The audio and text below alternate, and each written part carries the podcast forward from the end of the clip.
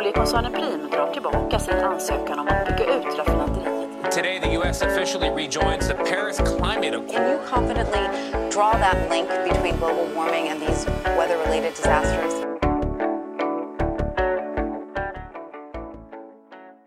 Då ska du vara varmt välkommen till ytterligare ett avsnitt av Planet och politik.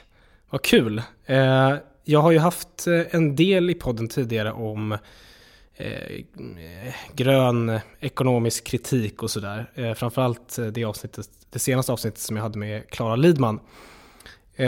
Nu ska jag fortsätta på det temat. Och om ni vill så får ni gärna lyssna på det som jag hade med Klara Lidman innan. För det tänker jag är en ganska bra grund till det samtalet som vi ska ha nu. Och det samtalet det är med Max Järnek. Eh, han är sociolog eh, och forskare på Center for Sustainability Research på Handelshögskolan i Stockholm. Eh, så vi ska prata om, ja men egentligen ekonomi och omställning kan man säga. Vi kör igång.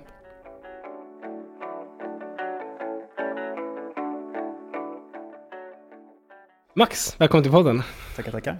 Kul att ha dig med. Ja, samma.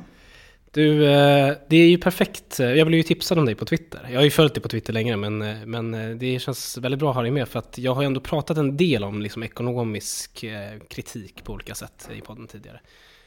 Så det känns ju kanon. Mm. Först och främst, vad gör du om dagarna på ditt research center? Uh, ja, jag är på... Ditt, det är inte ditt. Uh, nej, inte än. Jag är på ett ställe som heter Center for Sustainability Research på Handelshögskolan. Och, just nu forskar jag om turismsektorn faktiskt. Turism? Har, ja, ja, precis. Men jag har forskat om framförallt förnybar energi och solceller har varit liksom mitt ämne. Att jag har undersökt hur solcellsbranschen växer fram och varför den har växt sig stark på somliga håll men inte andra. Så att jag, I min avhandling så jämförde jag USA och Japan och eh, trots att USA hade ett väldigt försprång på 70-talet så var det Japan som blev liksom den första, det första landet att verkligen bygga ut solceller. Eh, och, eh, som tog eh, 50 procent av världsmarknaden eh, runt millennieskiftet strax efter. Så då skulle jag förklara den, den skillnaden. Och sen så har jag gått vidare och eh, tittat lite på Kina. Men det är Kina är ett ganska svårt land att undersöka så att jag jobbar fortfarande med det. Mm, mm. Ja, spännande. Jag tänker vi återkommer till det här med förnybar energi och sådär. Mm. Jag tänker vi ska... Jag tänker man säga att vi ska ha ett samtal som baserar sig på två kapitel som du har skrivit i eh, två, två olika böcker. Mm. Varav jag har läst en. Jag missade den andra för jag har inte själva boken. Mm. Men okej, okay, nu ska jag försöka då uttala vad den första handlar eller vad den heter. Men det är okej. Okay. Så boken heter, och den har du skrivit hela den boken, eller hur? Eh, nej, det, det, är ett kapitel i, uh, i en bok. Um, om du tänker på det här med creative destruction. Ja, precis. Ja, det är en handbook of sustainability som ges ut nu i år.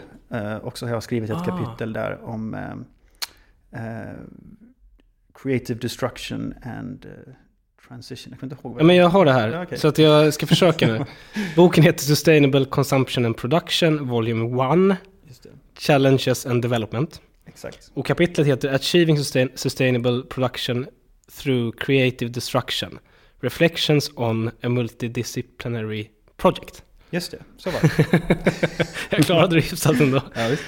Det är så svårt att läsa liksom, kapitelnamnen på sådana här liksom, mer akademiska. Ja, de är så långa ofta. Mm. Ja, verkligen. Jag inte ihåg dem själv. Men sen så har du också skrivit i en bok som gavs ut på svenska nyligen som heter eh, Fossilfritt Sverige, en antologi om klimatomställningen i praktiken. Ja, eller hur? precis. Mm. Och där är det lite olika författare som skriver olika kapitel. Ja. Mm. Men ska vi, jag funderar på hur vi ska, men vi kan väl göra så här. Eh, innan vi går in på dem kanske så ska vi ändå säga någonting mer om eh, klassisk nationalekonomi kanske. Eh, och du, åtminstone i det, det, det kapitlet som jag läser så, så tar ju du kanske lite spjärn mot det. Mm. Om man tänker klassisk nationalekonomi utifrån en, en grönt perspektiv så är det ofta det här fokuset på att det bästa av allt är att bara sätta ett högt pris på koldioxid. Mm. Och sen så får man liksom släppa marknaden fri. Mm. Du hade ett eh, citat som jag inte, jag vet inte om det var ditt eget eller om du hade hittat det någonstans, men jag tyckte det var så roligt så jag, så jag skrev ner det.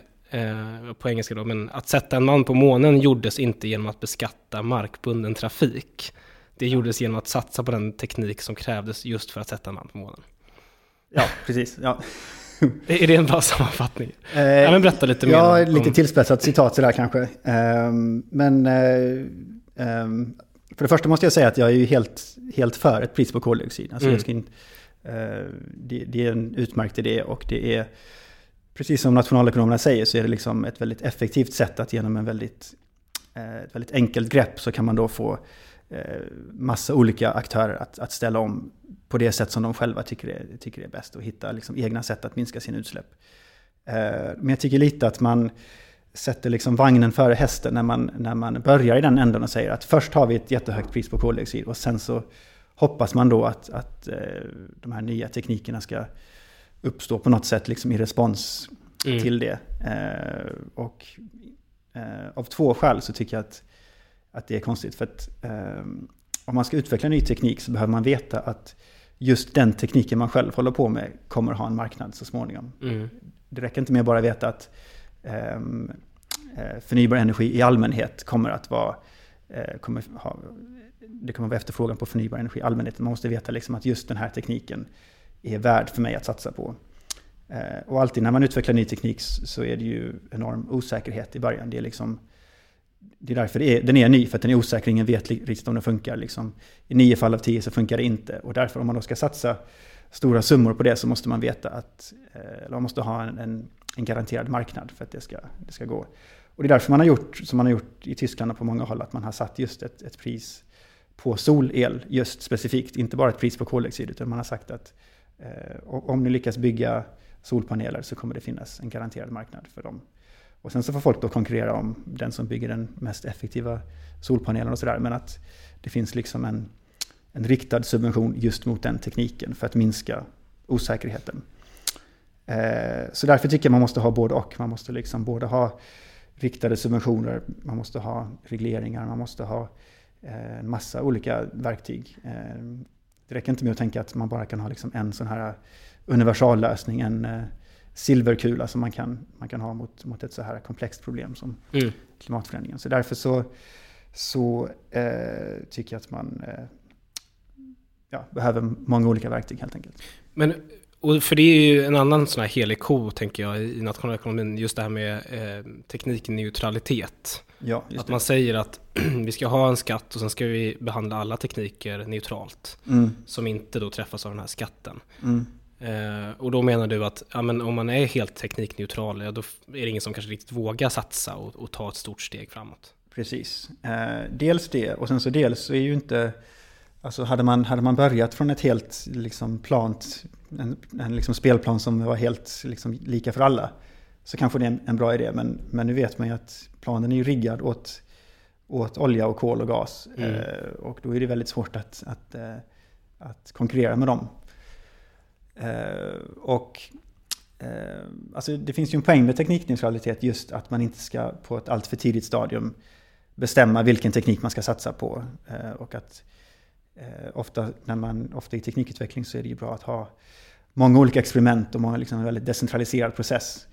Eh, men, att, men att vara helt teknikneutral gör det för liksom, då, då blir det för osäkert. Så att jag tror att man måste hitta något sorts mellanting där mellan att låta folk experimentera men i något skede välja ut och satsa. Man kan ju satsa på flera olika teknikslag samtidigt och säga att vi kommer satsa på de här tre olika. Och sen så eh, får man se vilket av dem som sen kan gå vidare. Så att man får ha en ganska så iterativ process där man går fram och tillbaka och man eh, kollar vad som funkar i labbet. Sen så kollar man vad som funkar på en marknad i liten skala och sen så går man fram och tillbaka och så får man bygga upp det här organiskt. Det är väl en bra idé tycker jag. Mm, just det. Eh, men låt oss också då ta något exempel. För att jag tänker, eh, du har ju forskat på just solceller. Mm. Och då är väl eh, tyska energiomställningen, nu har ju du kanske inte fokuserat just på Tyskland mest, Mm. men jag tänker att det man gjorde där var, du nämnde det nyss också, man garanterade ett pris, så att det var ju väldigt förmånligt för de som ville sätta upp solceller på sina tak och så vidare. Mm. Och när jag brukar prata om det där så, så, var ju, så brukar jag liksom nämna just det här med att den huvudsakliga klimatnyttan var inte nödvändigtvis att man satte upp massa solceller i Tyskland, utan det som hände var just teknikutvecklingen som skedde därefter. Precis. Att när man väl hade pekat ut en teknik, ja, då fick man en sån enorm fart på den tekniken. Mm. Är det ungefär det du är inne på här? Ja, exakt så. Eh, och det är ju liksom, det är ju, det är liksom väldiga kostnadsminskningar och eh, läroeffekter så fort man börjar sätta igång och utveckla en te teknik. Och det är hög konkurrens inom branschen och man har massa olika företag som, som hela tiden försöker förbättra sin teknik. Så, eh, så kan det gå väldigt snabbt. Och om man ser hur, hur snabbt priset har sjunkit på solceller de senaste 20 åren så är det eh, i likhet med liksom Moores lag och det här med, med liksom liknande effekter som man såg i, i eh, datorbranschen tidigt och elektronik mm. och sådär.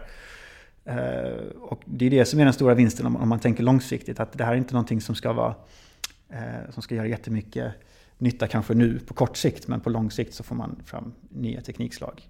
Mm. Och uh, precis som du sa så i Tyskland så, så satte man igång det blev ju en enorm tillverkning av solceller, inte minst i Kina under den här tiden. Mm.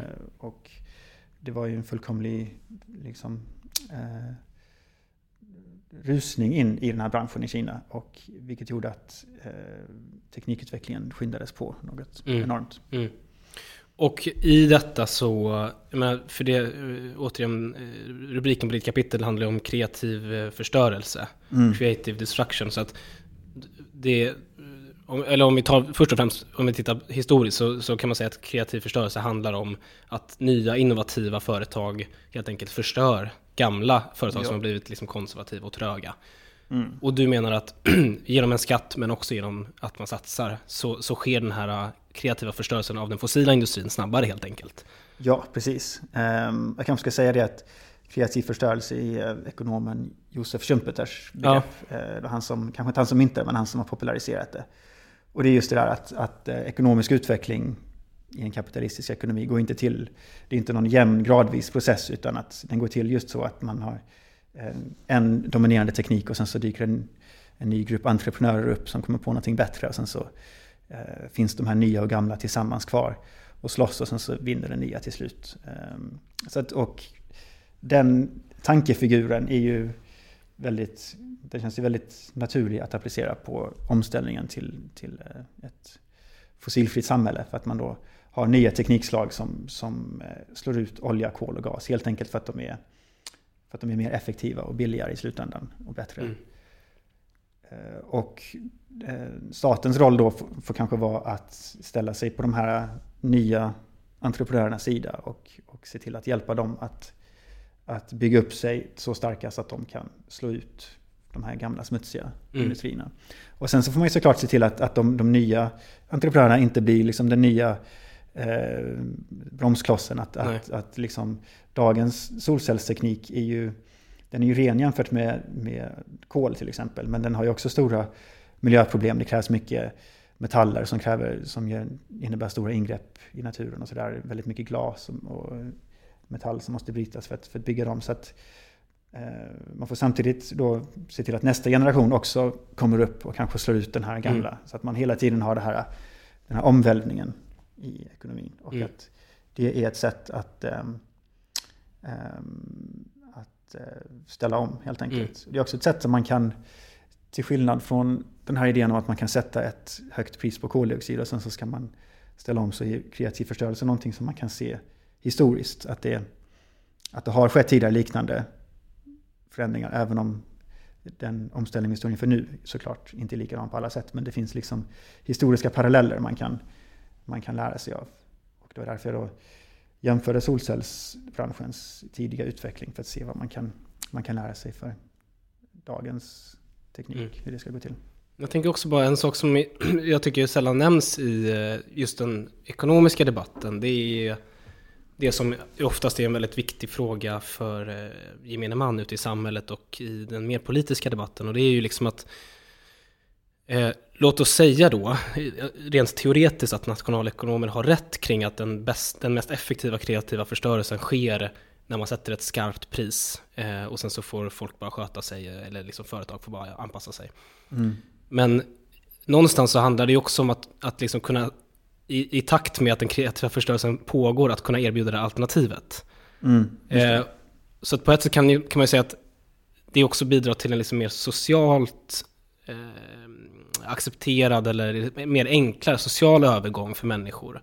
att när, när människor slås ut, eh, alltså arbetslösheten skulle öka inom vissa sektorer på grund av den här kreativa förstörelsen, ja då kanske det finns ett jobb att gå till mm. inom en ny industri som redan har liksom börjat blomma i takt med att man har satsat mm. på den, den tekniken.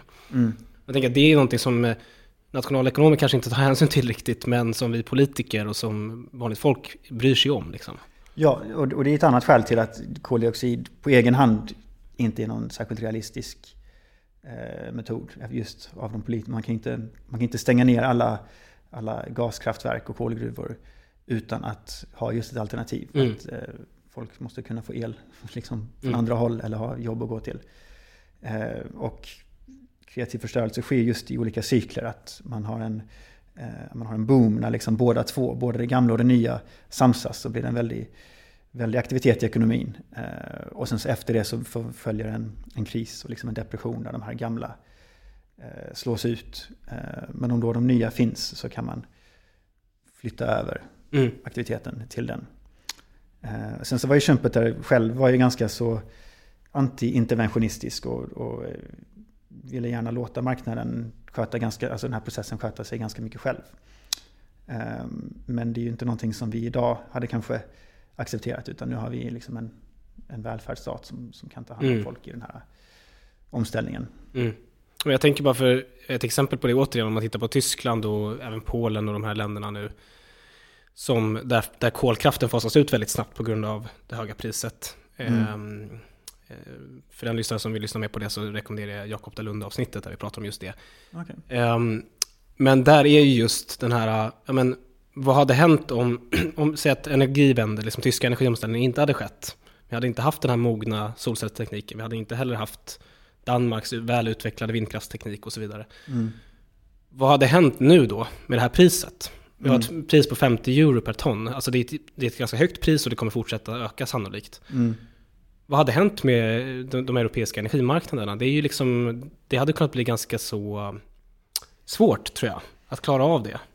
Ja, man kan också fråga sig, hade priset varit så högt om det inte, om det inte fanns alternativ? Om det inte fanns Exakt. vindkraft eh, istället, till exempel? Mm. Och det kan man ju undra.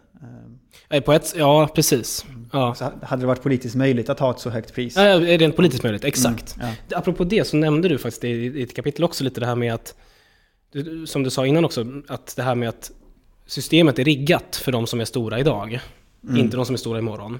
Ja. Och då nämnde du politiker som, som bromsklossar där också. Att det finns liksom en, ett, ett inbyggt, eh, en inbyggd konservatism, att man vill ju värna de mm. stora företag man har kanske.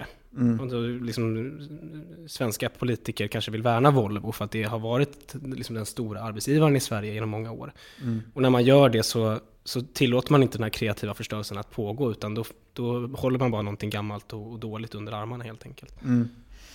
Ja, så är det ju. Att, att liksom, stora företag får ju en väldig makt bara genom att vara stora och ha mm. många anställda och ha mycket omsättning. Eh, och, det är ju, och det är ju också en del av det här med, med att inte bara införa ett pris på koldioxid utan att just försöka subventionera och odla fram någonting nytt. För då odlar man ju också fram en ny politisk, ett politiskt block som kan enas kring det här nya och som har eh, en, ett politiskt intresse av att få fram nya industrier.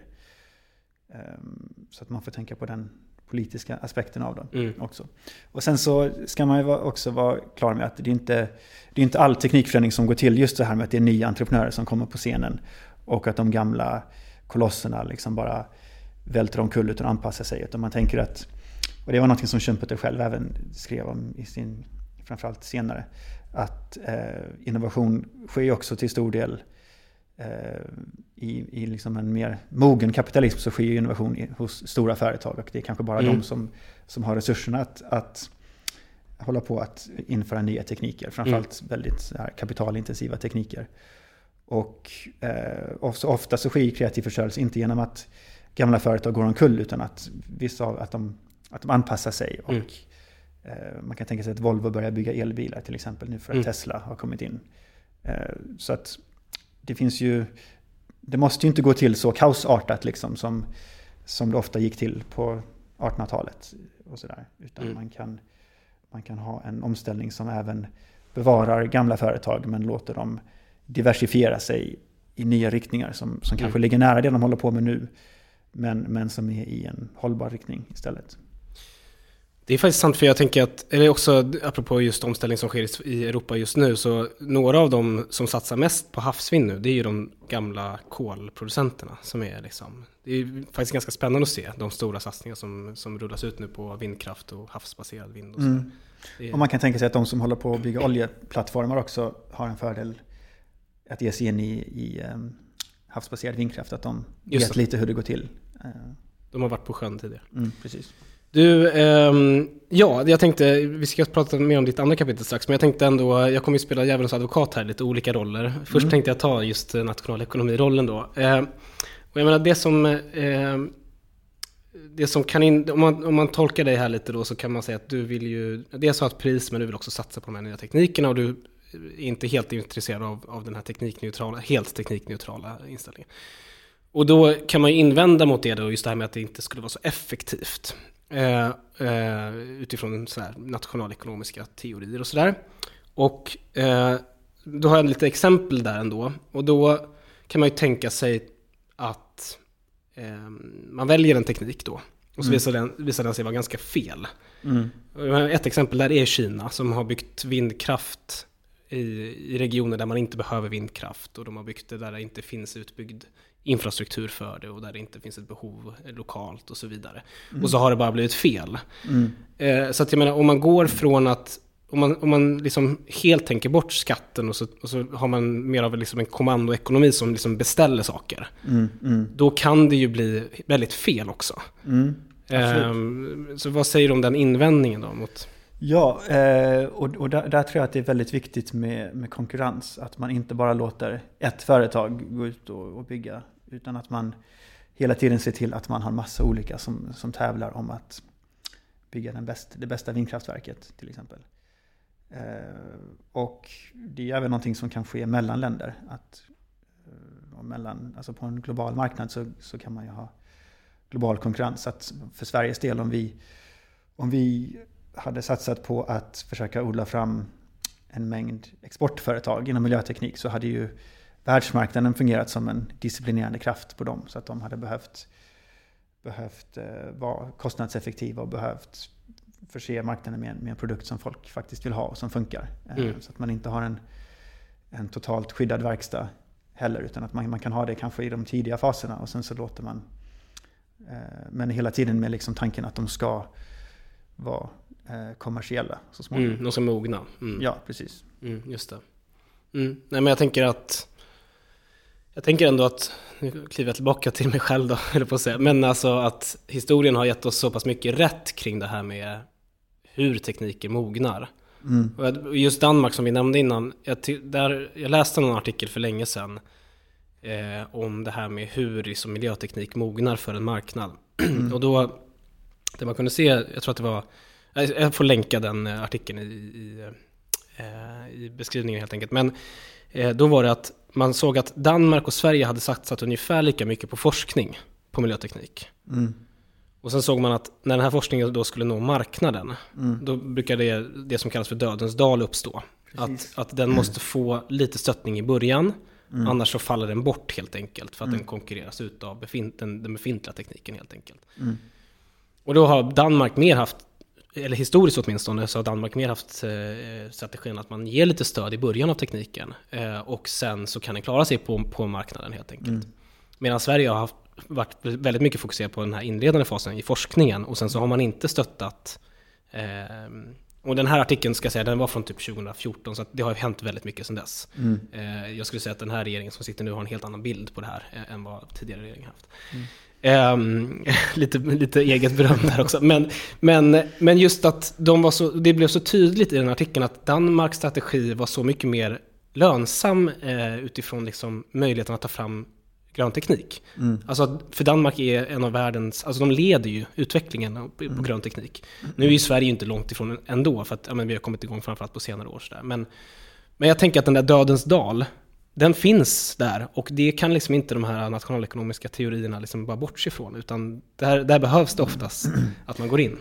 Absolut. Eh, och det ska också sägas att det är många nationalekonomer som just eh, ser att det finns sådana här marknadsmisslyckanden med eh, att det finns just en fas där mellan eh, precis innan kommersialisering när, när det finns en roll för staten att spela. Så att, ehm, Ja, förlåt, det är ju oansvarigt av mig att dra alla nationalekonomer över en kam. När jag säger nationalekonomer så menar jag kanske John Hassler. Alltså, ja. alltså jag, eller jag säger, ja men det är vissa sådär, Mm. ja. Det finns några framförallt som syns mycket i debatten som kanske har en väldigt sån strikt syn på det. Ja, Mm. Ja, men, men, eh, men absolut, det är ju så i Sverige att vi, vi har ju väldigt, eh, väldigt avancerad forskning, mm, världsledande på många håll. Eh, Men att det just finns, eller har funnits i alla fall, ett gap där. Att, att, eh, att man inte har investeringar att skala upp. Mm. Eh, För det är ju framförallt inom miljöteknik som är extremt kapitalintensivt och kräver enorma investeringar. Eh, Och som dessutom måste konkurrera med de mest väletablerade eh, branscherna i världen, liksom med fossila bränslen. Och om man tänker på nästa generationens miljöteknik så måste den också konkurrera med befintlig miljöteknik, vilket gör det också svårt. Eh, Så jag tycker absolut att man, att, det- att man behöver någonting där eh, för att skapa efterfrågan. Att folk måste veta att det finns en garanterad marknad för dem. Eh, Om de lyckas uppnå de tekniska kraven så, så finns det även liksom en, en marknad för dem. Mm. Och historiskt har man ju sett att, att offentlig upphandling kan vara ett sätt att ehm, få fram nya industrier. Om man, eh, om man tittar på USA till exempel, hur de gjorde när, eh, i eh, elektronikbranschens tidiga historia, när man utvecklade eh, mikrochip och så här, så, så eh, kombinerade man eh, väldigt stor konkurrens, men samtidigt med garanterade marknader för, de, för alla de som lyckades. Eh, vilket gjorde just att det flödade in investeringar och att de här företagen konkurrerade med varandra för att komma fram med bäst teknik. Och sen så de som lyckades hade då en garanterad marknad hos eh, försvarsdepartementet. Eh, så att jag tror att man behöver fler sådana styrmedel med just eh, offentlig, offentlig upphandling. Mm. Mm. Sen så är man ju lite nervös för sånt i Sverige för att man, man, man tror att EU inte tillåter det. Men det finns ju Mm. undantag. Eh, framförallt för miljö så finns det undantag som man kan göra. Och dessutom hade det inte behövt vara inriktat just för svenska företag. För man får inte gynna svenska företag otillbörligt. Men man kan ju, ha, man kan ju, man kan ju designa de här reglerna för upphandling att det ska gynna företag som har en teknik som man kanske vet att Sverige är ganska bra på eller har potential att bli bra på. Mm, sen så kanske mm. det blir tyska och danska företag också. Men, men de svenska gynnas av det. Ehm, Men det har ju kommit lite mer att man har satsat inom miljöteknik på ehm, exempelvis statligt riskkapital. har man ju börjat satsa på. Med Almi Invest till exempel har ju en, en sån här green tech-fond. Just det. Eh, Och där har man ju sett att när den väl har kommit igång så har ju den skapat entreprenörer inom miljöteknik som sen har gått vidare och tjänat pengar och återinvesterat och Mm. gått vidare. Om man ser till exempel nu när man har byggt den här fabriken i Skellefteå med Northvolt. ehm, Det var ju nästan på gränsen att det inte blev av. Men tack vare ehm, Europeiska investeringsbanken så, eh, så var det också andra stora investerare som, som hakade på. Och eh, sen så efteråt så har det skapat nya effekter så att det blir liksom en sån här snöbollseffekt när man väl Mm. sätter igång. Mm. Just det. Och, ehm, men, men, men det har ju varit så tidigare i Sverige att, att, att liksom utländska företag lite kommer hit och dammsuger upp ny lovande teknik och sen så kommersialiseras det liksom på andra håll. håll men Mm. inte i Sverige. Just det, just det. Men du, om vi pratar om det här med effektivitet. Jag, vi ska, jag tänker vi ska gå in lite på och snacka om ditt andra kapitel här, eh, Fossilfritt Sverige, eh, boken. Eh, för det som du bland annat tittar på där är ju beräkningar för, alltså samhällsekonomiska beräkningar och liknande på hur effektiva olika typer av styrmedel är. Mm, Eller, mm. eller satsningar kan man Mm, säga. mm, Eh, ska vi börja med höghastighetsbanorna? Jag tänker att det är relativt aktuellt. mm, absolut. Vad har du kikat på där då? Ja, eh, jag tycker att, att sättet som man räknar på för de här höghastighetsbanorna är väldigt missvisande eh, när det gäller de ekonomiska kostnaderna. Och om man skulle bygga höghastighetsbanor så skulle man ju först och främst skulle man behöva avgöra om det är miljömässigt hållbart. Och eh, man vet ju att det går åt en väldig mängd betong och stål för att bygga de här banorna. Och det är ju väldigt fossilintensivt. Så att om man ska bygga dem så ska man också vara säker på att de ersätter flyg och ersätter biltrafik på ett sätt som- gör att det är liksom miljömässigt värt det. Eh, Så det är liksom första steget då. Ehm, och där hade man kunnat tänka sig att ehm, om man nu väntar med att bygga höghastighetsbanorna eh, och att man samtidigt satsar hårt på fossilfritt stål och fossilfri betong. Mm. Så hade de just kunnat bli den här garanterade marknaden som gör att, att den tekniken sätter igång och ökar i utveckling. Så att man mm. liksom kopplar ihop de två hade varit väldigt snyggt. Men det är inte säkert att, att det går tidsmässigt eftersom Ja, det ligger så pass långt Det ligger så pass långt fram i tiden. Men däremot kan man ju ställa krav i upphandlingen där på betongen att den ska vara så grön som bara möjligt. Precis. Så kan man ju ja. minska. Ja. Mm, mm. Absolut. Eh, så det är en sak. Så först måste man göra en, en, en miljömässig kalkyl. Men sen så den ekonomiska kalkylen. Um, när man läser om vilka modeller de använder så, uh, så står det att när man beräknar en kostnad för de här banorna så är det, det är alltså inte en utgift. Det är inte så hur många hundra miljarder det kostar. Utan det är vad är det för alternativkostnad för samhället att bygga de här. Och sen så räknar man den alternativkostnaden i kronor. Och, och ofta så ser den här alternativkostnaden och själva utgiften då som staten ska betala. De ser väldigt lika ut. För att man använder marknadspriser när man beräknar alternativkostnaderna. Men du får förklara, vad är alternativkostnad här? Alltså vad är det man räknar på där? Ja, en, en, alternativkostnad är eh, vad går samhället miste om Aha. när man bygger den här järnvägen. Och mm. det är liksom den relevanta ekonomiska kostnaden kan man säga. Och sen så, um, så räknar man ut vad den är i kronor. Mm. Um, men uh, om man då tänker på till exempel om man ska bygga en järnväg från Stockholm till Köpenhamn. Så får man tänka på vilka, vilka tillgångar är det som den järnvägen kommer ta i anspråk. Mm. Som andra i samhället inte kan använda då. Först och främst är det ju mm. land. Det. Det är, man måste appropriera massa mark som ingen annan kan använda. Och det är ju ganska, det är ganska enkelt att göra det. Att liksom bara beräkna hur mycket, hur mycket mark som behöver tas i anspråk. Och sen så kan man då beräkna vad den marken har för marknadsvärde. Och så har man fått alternativkostnaden för marken. Det här är liksom vad samhället går miste om. Och då räknar man inte in de nyttorna som det skapar? Det gör man sen, men, man, sen. men, okay, men ja, fokuserar mm, främst på, mm, på kostnaderna. Mm, mm, mm. nyttorna är en annan sak man kan gå in på sen, det också finns konstigheter. Men, eh, men just när man räknar marker är det ganska enkelt. Men sen så måste man också räkna eh, arbetskraft. Eh, hur, många, hur många arkitekter, hur många byggnadsarbetare, hur många projektledare och så vidare behövs det för att bygga de här tågen som inte kan användas i andra projekt. Mm. Hur mycket går liksom resten av samhället miste om? Och då får man ju först måste man ju se på hur mycket arbetslöshet det är. Om det är så att man har massa byggarbetare som inte jobbar. Eh, om, om man skulle bygga den här höghastighetstågen eh, precis efter en, en krasch, en, liksom att man haft en bostadsbubbla och sen så har den brustit. Då skulle alternativkostnaden för alla de som är arbetslösa skulle den vara noll. Just det. Eh, men det tar man inte med i beräkningen när man räknar den här när man beräknar alternativkostnaden. Utan då räknar man, hur, räknar man ihop alla löner. Och sen så blir det kostnaden. Mm, Medan jag tycker att om man verkligen ska ta med alternativkostnaden så måste man ju jämföra med hur det hade annars hade sett ut. Om det då är folk som står arbetslösa så är det en, det finns det ju ingen alternativkostnad för de gör ändå ingenting. Tvärtom går de på bidrag, vilket liksom inte är så bra. Eh, så när man beräknar arbetskraft så måste man ju ta hänsyn till dels liksom det makroekonomiska läget och arbetslösheten. Och i Sverige så har vi haft 7, 8, 9 procent arbetslöshet ehm, under lång tid. Vilket gör att alternativkostnaden för arbetskraft kan nog tänkas vara ganska låg. Dessutom eftersom vi är i EU så kan man ju tänka sig att man kan ta in arbetskraft från andra länder som kommer och bygger också. Vilket mm. gör att det också inte är någon alternativkostnad för Sverige. Mm. Och sen måste man tänka på vad är alternativkostnaden för det här stålet och betongen. betongen. Mm. Och då måste man ju först ta med i beräkningen att eh, stålfabriker och betongfabriker går ju, går ju nästan aldrig på högvarv utan de har ju alltid extra kapacitet. Och om de ökar sina, sin kapacitet så ökar de också oftast sina skalekonomier. Så att varje enhet blir billigare ju mer man bygger för att man har stordriftsfördelar. Eh, så att om, eh, säg att, att Skanska, skulle få in en, Skanska och SSAB skulle få in ordrar på att bygga den här eh, järnvägen.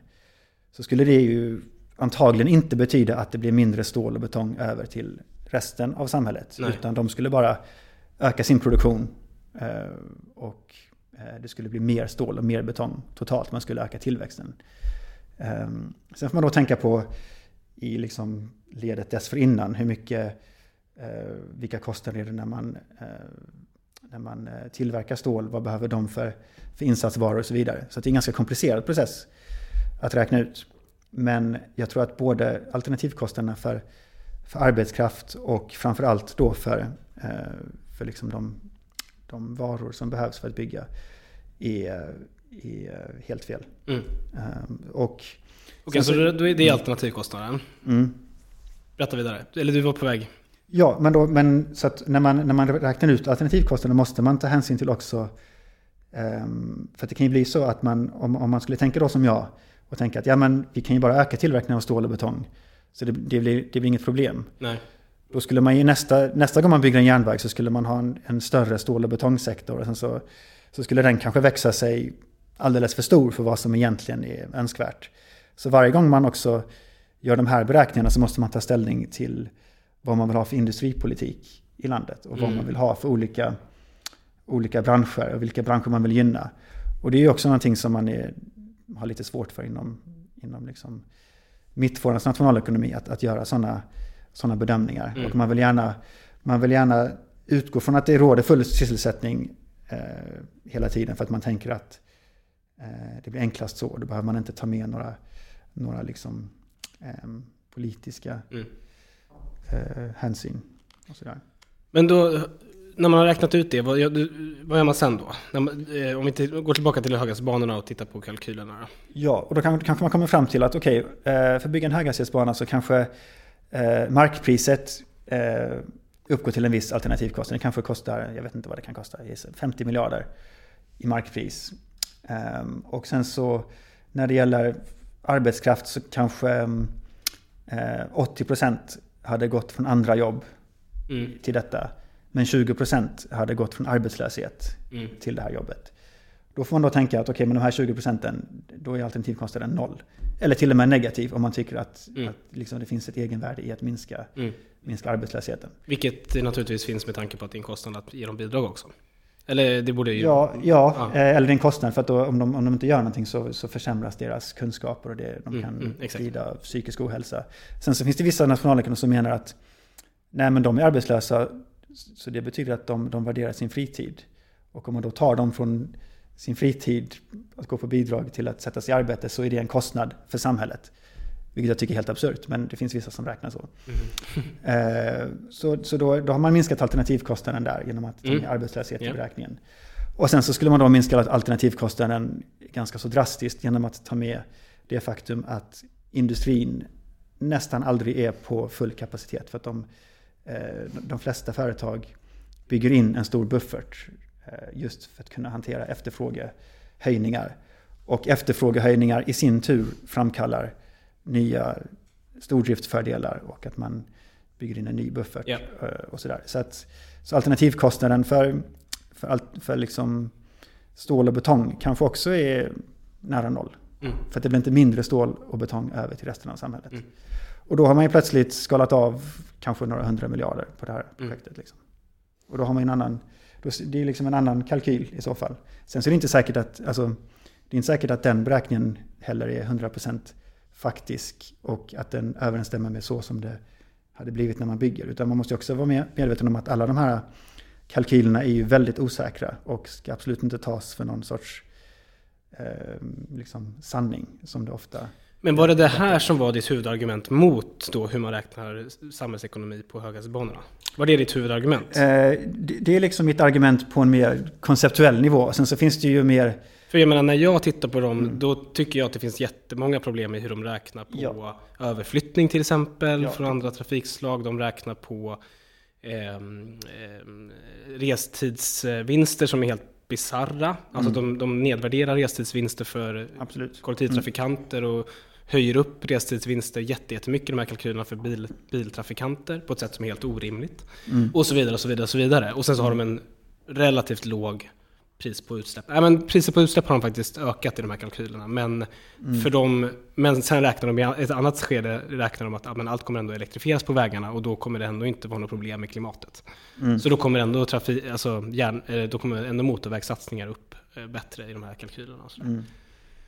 Ja, alltså Så det, det- det, finns ju, det finns ju många sådana mycket mer uppenbara problem också. Ja, okej. Eh, Jag läste någon, någonstans som jag visserligen har sett folk förneka, så att jag, jag vet inte om det stämmer till 100% men det var det var någon, någon kritiker som skrev att de har, det är någon kalkyl de gör, att när staten bekostar någonting, även om de gör exakt samma sak som, en, som ett privat företag, så lägger man på en extra samhällskostnad av någon anledning. För att, för att man då, staten måste beskatta och beskattning är dåligt. Ja, ja, ja. Så det finns, Det finns massa sådana. finns massa sådana grejer. Och även läste jag att eh, vissa modeller tar inte hänsyn till, till eh, överflyttningar när man drar en järnväg till ett annat land. Mm. Så, så en, en, en järnväg till, till Danmark skulle då inte ersätta någon, någon flygtrafik för att man helt enkelt det finns liksom en, en bugg i beräkningen. Ja, kalkylen Ja. slutar Ja. vid landgränsen. Ja, men jag ska inte, gå, jag ska, ska inte gå in för liksom detaljerat på de här, på de här sakerna. För det är, eh, jag är inte 100% uppdaterad kring det. Men, men det finns absolut många sådana konstiga egenheter också i de här modellerna. Eh, men, men Johan Anderberg, eh, som för tidigare skrev på Fokus eh, och som nu faktiskt lanserade den här boken om coronastrategin. Han har skrivit väldigt bra om detta tidigare. Okej. Men också det här Mm. med diskonteringsräntor och liksom att man räknar med högre tillväxt i framtiden och bla bla bla. Mm. Eh, och ehm, eh, jag, jag, jag tror inte, jag vet inte om det var han som hade skrivit det, men jag läste någonstans också att med dagens sätt att räkna, alltså med, så som de räknar på dagens de satsningarna som vi ska göra på höghastighetsbanorna nu, Mm. så hade eh, dagens stambanor som finns, som byggdes på 1850-60, Mm. då hade de varit olönsamma efter bara 20 år. Okej. Eh, liksom Ja, ja. I, i, i kalkylen. Mm, mm. Men nu har de i 150 år Ja. bidragit med samhällsnytta. Mm. Alltså det, det finns en hel, alltså det är en sån super bara också bugg i systemet att de liksom har, ja. Ja. Eh, All right. Precis. Och eh, alltså, man kan, ju, man kan ju misstänka att de inte vill, att de inte vill bygga de här tågen. Liksom. Det är en stark misstanke som jag har haft länge. men men eh, ditt kapitel Fossil- Fossilfritt Sverige, är det något annat som du vill lyfta där? Eh, jag har inte läst det, men annars ska jag gå in i min eh, roll som djävulens advokat igen snart. Kör på. Ja men då gör jag det. Men för nu, tidigare hade jag nationalekonomiska perspektiv, nu kör jag det djupgröna då. Okej. Jag menar, det som du har pratat om här ganska mycket, det är ju det här med att om jag överdriver lite kanske, men alltså skapa kreativ förstörelse genom att nästan överhetta ekonomin. Eller du ska få väldigt mycket aktivitet i ekonomin i en viss riktning. Ja.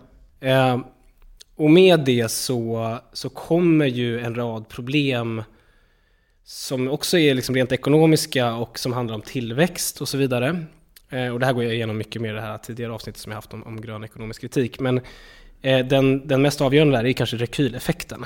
Mm. Att eh, säga att man, man, man satsar jättemycket på teknik och det leder till att vi kanske får ma- massa mer effektiva processer. Eh, som i England, liksom när man började effektivisera kolkraftverken och det enda det ledde till var att man eh, brände mer kol. Eh, för att man fick ut större ekonomisk nytta eh, för samma mängd kol, kolbit. Liksom. På grund av att eh, effekt, liksom, effektiviseringen hade gjort processerna så pass smarta att man liksom kunde producera mer och så vidare. Så att om eh, ni lyssnare som inte helt är med på rekyleffekten, lyssna på det avsnittet eh, om ni vill fördjupa er med det. Men jag tänker att det är då en, en, eh, en ganska så stark invändning tänker jag på, på hela det här sättet att tänka. Att det kommer massa ny teknik, med den så kommer effektiviseringar vilket leder till ökat konsumtionsutrymme. Människor kan konsumera mer, människor får mer pengar i plånboken. Eh, och dessutom så kommer den här nya tekniken också med en hel del miljöutmaningar. Du nämnde själv det här med att solcellerna eh, mm, bär med sig en miljökostnad i form av att vi måste bryta mineralerna, vi måste, eh, det här glaset som ska produceras och så vidare. Så hela det, vad, vad säger du om hela den invändningen mot ditt resonemang egentligen? Ja, alltså om man, om man bara hade gjort så att man, att man subventionerade ny teknik eh, och liksom såg till att den välte den fossila ekonomin över ända så skulle man ju såklart få en massa rekyleffekter eh, och att energi skulle bli billigare och man skulle konsumera mer. Så att man måste ju också, precis som att man måste välja ut sektorer som man vill gynna så måste man också välja ut sektorer som man vill fasa ut. Mm. Eh, så till exempel eh, man skulle ju behöva, behöva minska konsumtionen av varor. Eh, konsumtionsvaror liksom. Man skulle Mm. behöva skifta över mer konsumtion till tjänster. Att, att folk kanske skulle ägna sig åt eh, saker som inte släpper ut så mycket. Att man skulle ägna sig åt konst och kultur kanske och, och, sånt istället för att köpa plats-tv-apparater. Mm. Eh, om man skulle behöva göra någonting åt eh, köttproduktion till exempel. Man skulle behöva skära ner den branschen kanske genom att, att göra den så pass ha så pass strikta regler att, att eh, kött skulle bli en lyxvara. Eh, liksom. eh, och man behöver ju hela tiden, eh, när man då får igång tillväxten och skapar full sysselsättning och folk får högre inkomster så måste man ju också se till att, att eh, de här högre inkomsterna inte omvandlas i, eh, i ohållbar konsumtion. Så man skulle behöva en massa miljöskatter eller kanske helt enkelt högre skatter på, på inkomster för att göra folk fattigare så att de inte kan konsumera lika mycket. Ehm, men kanske, kanske framförallt att man skiftar över till att ha en ekonomi som är mer uppbyggd kring investeringar istället för konsumtion.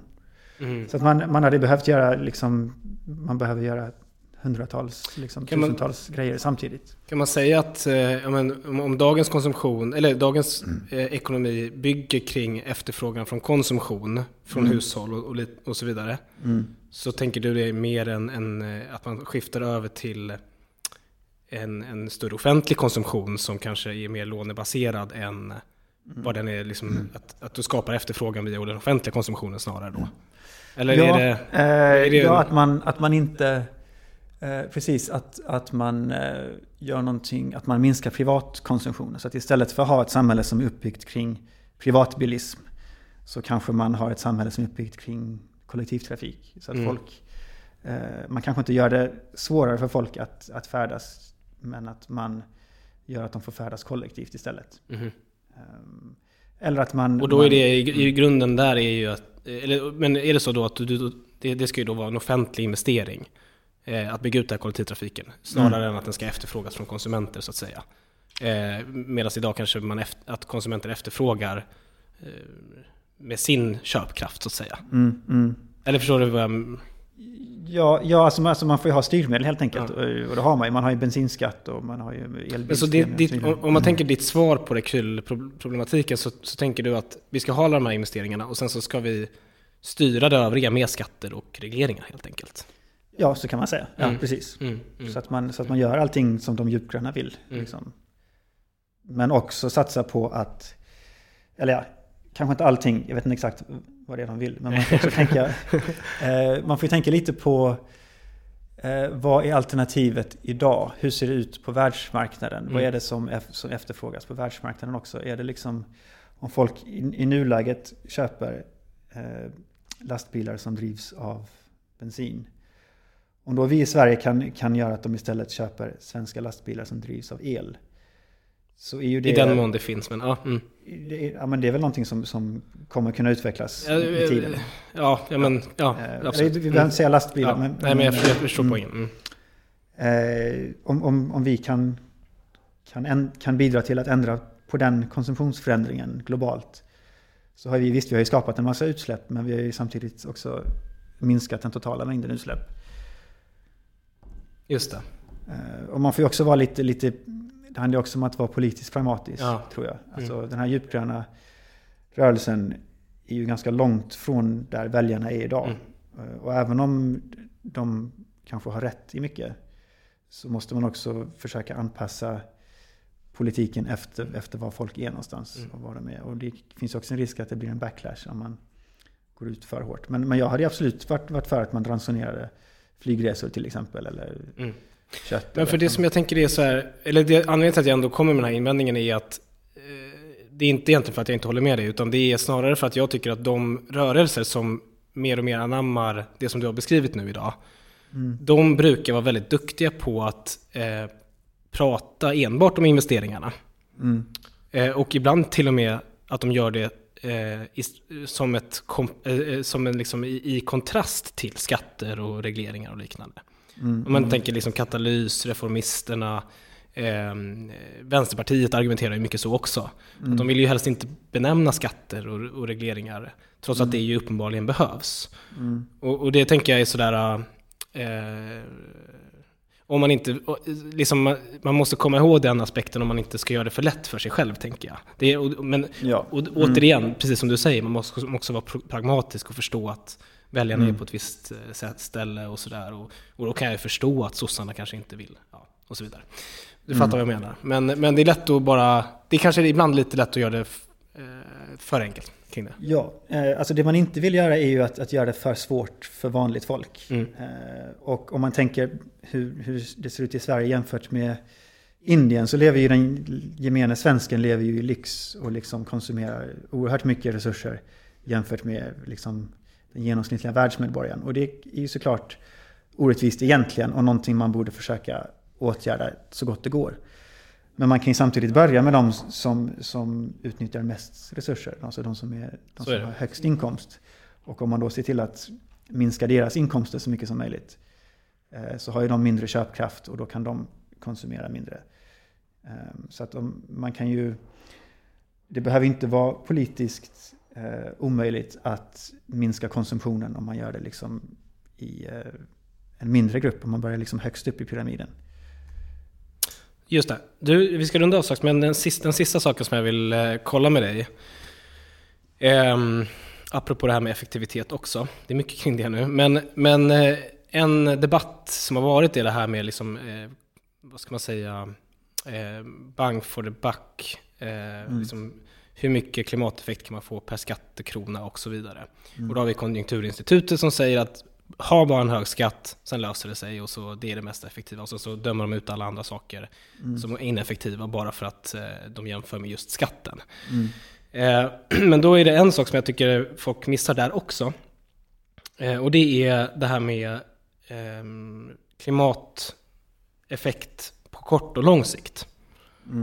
Och då tänker man sig att en skatt kan ju, liksom, jag tänker om man inför en relativt hög skatt så då kapar man de eh, lågt hängande frukterna ganska så enkelt. De företag som snabbt kan ställa om sin, om de har någon liksom energiprocess så kan de konvertera den till biogas till exempel. Eller vad kan vara. Det är en relativt enkel investering. Och så har vi då de stora aktörerna som har stora tekniksprång att göra. Och de kommer skita i den här skatten. För för dem är det, det är liksom, den alternativkostnaden är fortfarande för låg för att det, de ska göra så stor teknik, eh, liksom, utveckling. Eh, jag här ska jag bara citera vad heter det, Svante Axelsson som brukar göra en liknelse där när han säger att eh, om vi ska, visst vi ska, vi ska plocka alla de här lågt hängande frukterna, men om vi ska klara de, hög, de som hä- hänger högst upp, då måste vi börja bygga stegen redan nu. För att vi ska klara av det om 10-15 år. Men eh, ja, nu kanske jag bara sa något som du kommer hålla med om helt och hållet. Men, men ja, vad, vad har du att säga om det resonemanget? För jag tänker att det ändå... Nej, nej jag, jag, eh, jag har faktiskt ett, ett liknande resonemang i mitt kapitel där. För Ja, du har det. Och jag, jag, jag använder till och med den här eh, tankefiguren med, med lågt hängande frukt. Ja, du gör det? Man måste tänka på hela trädet så att man låter de högre frukterna ruttna bort. Eh, Så då är kanske lite banalt av mig att använda det, men samtidigt kanske någonting som, som eh, känns igen. Eh, Men, men jag, jag har eh, en, en, en lite annan kritik av just det här bang for the buck-tänkandet. Ja, okej. Eh, och det är egentligen två sätt. Och bang for the buck, det är ju ett väldigt bra sätt att tänka på som privat aktör, den enskilde, som har en begränsad mängd pengar och som ska få dem att räcka så långt som möjligt. Mm. Men för en stat så måste den ju tänka på liksom hela ekonomin. Så att, Eh, så att alla tillgångar i ekonomin utnyttjas. Och i en avancerad ekonomi så har man ju väldigt hög grad av arbetsdelning och specialisering. Vilket gör att eh, företag och, och folk med utbildning är väldigt, den är väldigt specialiserad på att göra just en sak. SSAB kan bygga stål, det är det de gör. Liksom. Sen så kanske det är billigare, man kanske kan få ut mer utsläppsminskning per krona om man, om man lägger de pengarna på återvinning eller något annat. Men då lämnar man ju SSAB precis som de är. Ehm, så det man ska tänka på är att hur, hur kan man få alla tillgångar i ekonomin att ställa om från där de är och liksom i den, hur kan de diversifiera sig eller hur kan de komma på nya sätt att, att bli eh, klimatsnåla. Ehm, och därför så måste man ju eh, ha ett, en, en approach där man tar hänsyn till alla de olika tillgångarna i ekonomin. Så det, det är ena anledningen. Och det andra är ju att... att Men- Förlåt, menar du att det skulle då motivera satsningar som inte är så strikt eh, effektiva? Just eftersom man måste ta hänsyn till alla sektorer då? Alltså in, inte effektiva i, i, i hur mycket utsläppsminskningar per krona. Nej, precis. Ehm, Mm. Men det är, min nästa poäng är att det är en ganska irrelevant eh, sätt att räkna på för en stat som inte är finansiellt begränsad. Mm. Alltså för, för oss, eller för företag, så är ju pengar en, någonting som man måste eh, tjäna för att kunna spendera. Och därför så är det bra om de räcker så långt som möjligt. Men för staten så måste ju, så är inte pengar någon, någon egentlig begränsning. Utan det som spelar roll är vad pengarna har för värde. Mm. Och pengarna har ju värde om man har en produktiv och diversifierad ekonomi när alla tillgångar sätts i användning. Eh, och eh, för ett företag så kan ju de göra saker som är väldigt kostnadseffektiva för dem själva, vilket men gör att andra aktörer, eh, att andra tillgångar lämnas oanvända. Mm. Men staten måste se till att allting, att så mycket som möjligt av ekonomins verkliga tillgångar sätts i användning. Mm. Så därför tycker jag man borde satsa på att, att eh, att göra alla utsläppsminskningar man kan. Man identifierar alla tekniskt möjliga utsläppsminskningar. Och sen så får det kosta vad det kostar vill. Mm. Um, men man tar men... hänsyn till, till vad inflationen blir om man gör så här. Hur mycket kommer, kommer liksom våra pengar vara värda om man gör alla de här. Det kan vara att, att, vissa, att vissa då är ineffektiva för att de skapar jättemycket inflation. Um, för lite utsläppsminskningar. Precis, och då är resonemanget egentligen, eftersom staten inte har en begränsad budget, alltså i, i ett fixerat nummer, mm. så kan staten, staten kan ju expandera sin egen budget naturligtvis. Ja, precis. Och då är utmaningen, ja, det, vissa satsningar kommer vara lite mindre effektiva, vissa kommer vara mer effektiva. Vissa mm. satsningar kan leda till ökad inflation, men då får man hantera den uppkomna situationen snarare. Alltså ja. det vill säga hantera inflation. Alltså, ja, och då får man se till att göra just investeringar som, som leder till att, att eh, utbudet ökar också. Så att om, mm. man, om man satsar på, eh, för att ta ett väldigt dyrt projekt där, Hybrid, så, mm. så kommer ju det, det kostar ju väldigt mycket. Men samtidigt så, så kommer det också ge oss eh, bättre stål i framtiden. Mm. Och mer stål. Eh, vilket gör att även om det är mycket pengar som går in i det så är det också mycket varor som kommer ut från det. Och då eh, kan man säga att de pengarna som går in där, de, de, gör, de, de gör inte att pengavärdet minskar utan det, är liksom, det är värt det på så sätt. Och staten har ansvar just för att, för, att, för att alla tillgångar ska utnyttjas på så effektivt sätt som möjligt. Och då kan man inte bara välja ut just den mest lågt hängande frukten, utan man måste tänka på hela trädet samtidigt. Mm. Underbart. Du, tusen tack för att du kom till podden. Det var kul att vara här.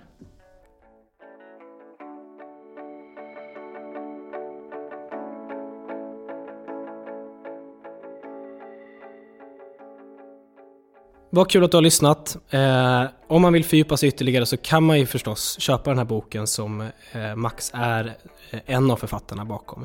Fossilfritt Sverige, en antologi om klimatomställning i praktiken.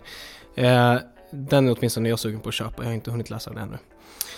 Hörni, det är faktiskt så att det här är sista avsnittet för denna eh, gång, eh, den här våren. Jag hoppas att jag kommer tillbaka i höst, vi får se. Men det vore åtminstone kul att fortsätta den här podden. Eh, med mer lyssnare. Eh, och tills dess så vill jag också passa på att tacka Christian Hanner som hjälper mig med klippning, ljud och vignett och eh, önskar er alla en väldigt härlig sommar när det väl är dags. Ha det gott allesammans!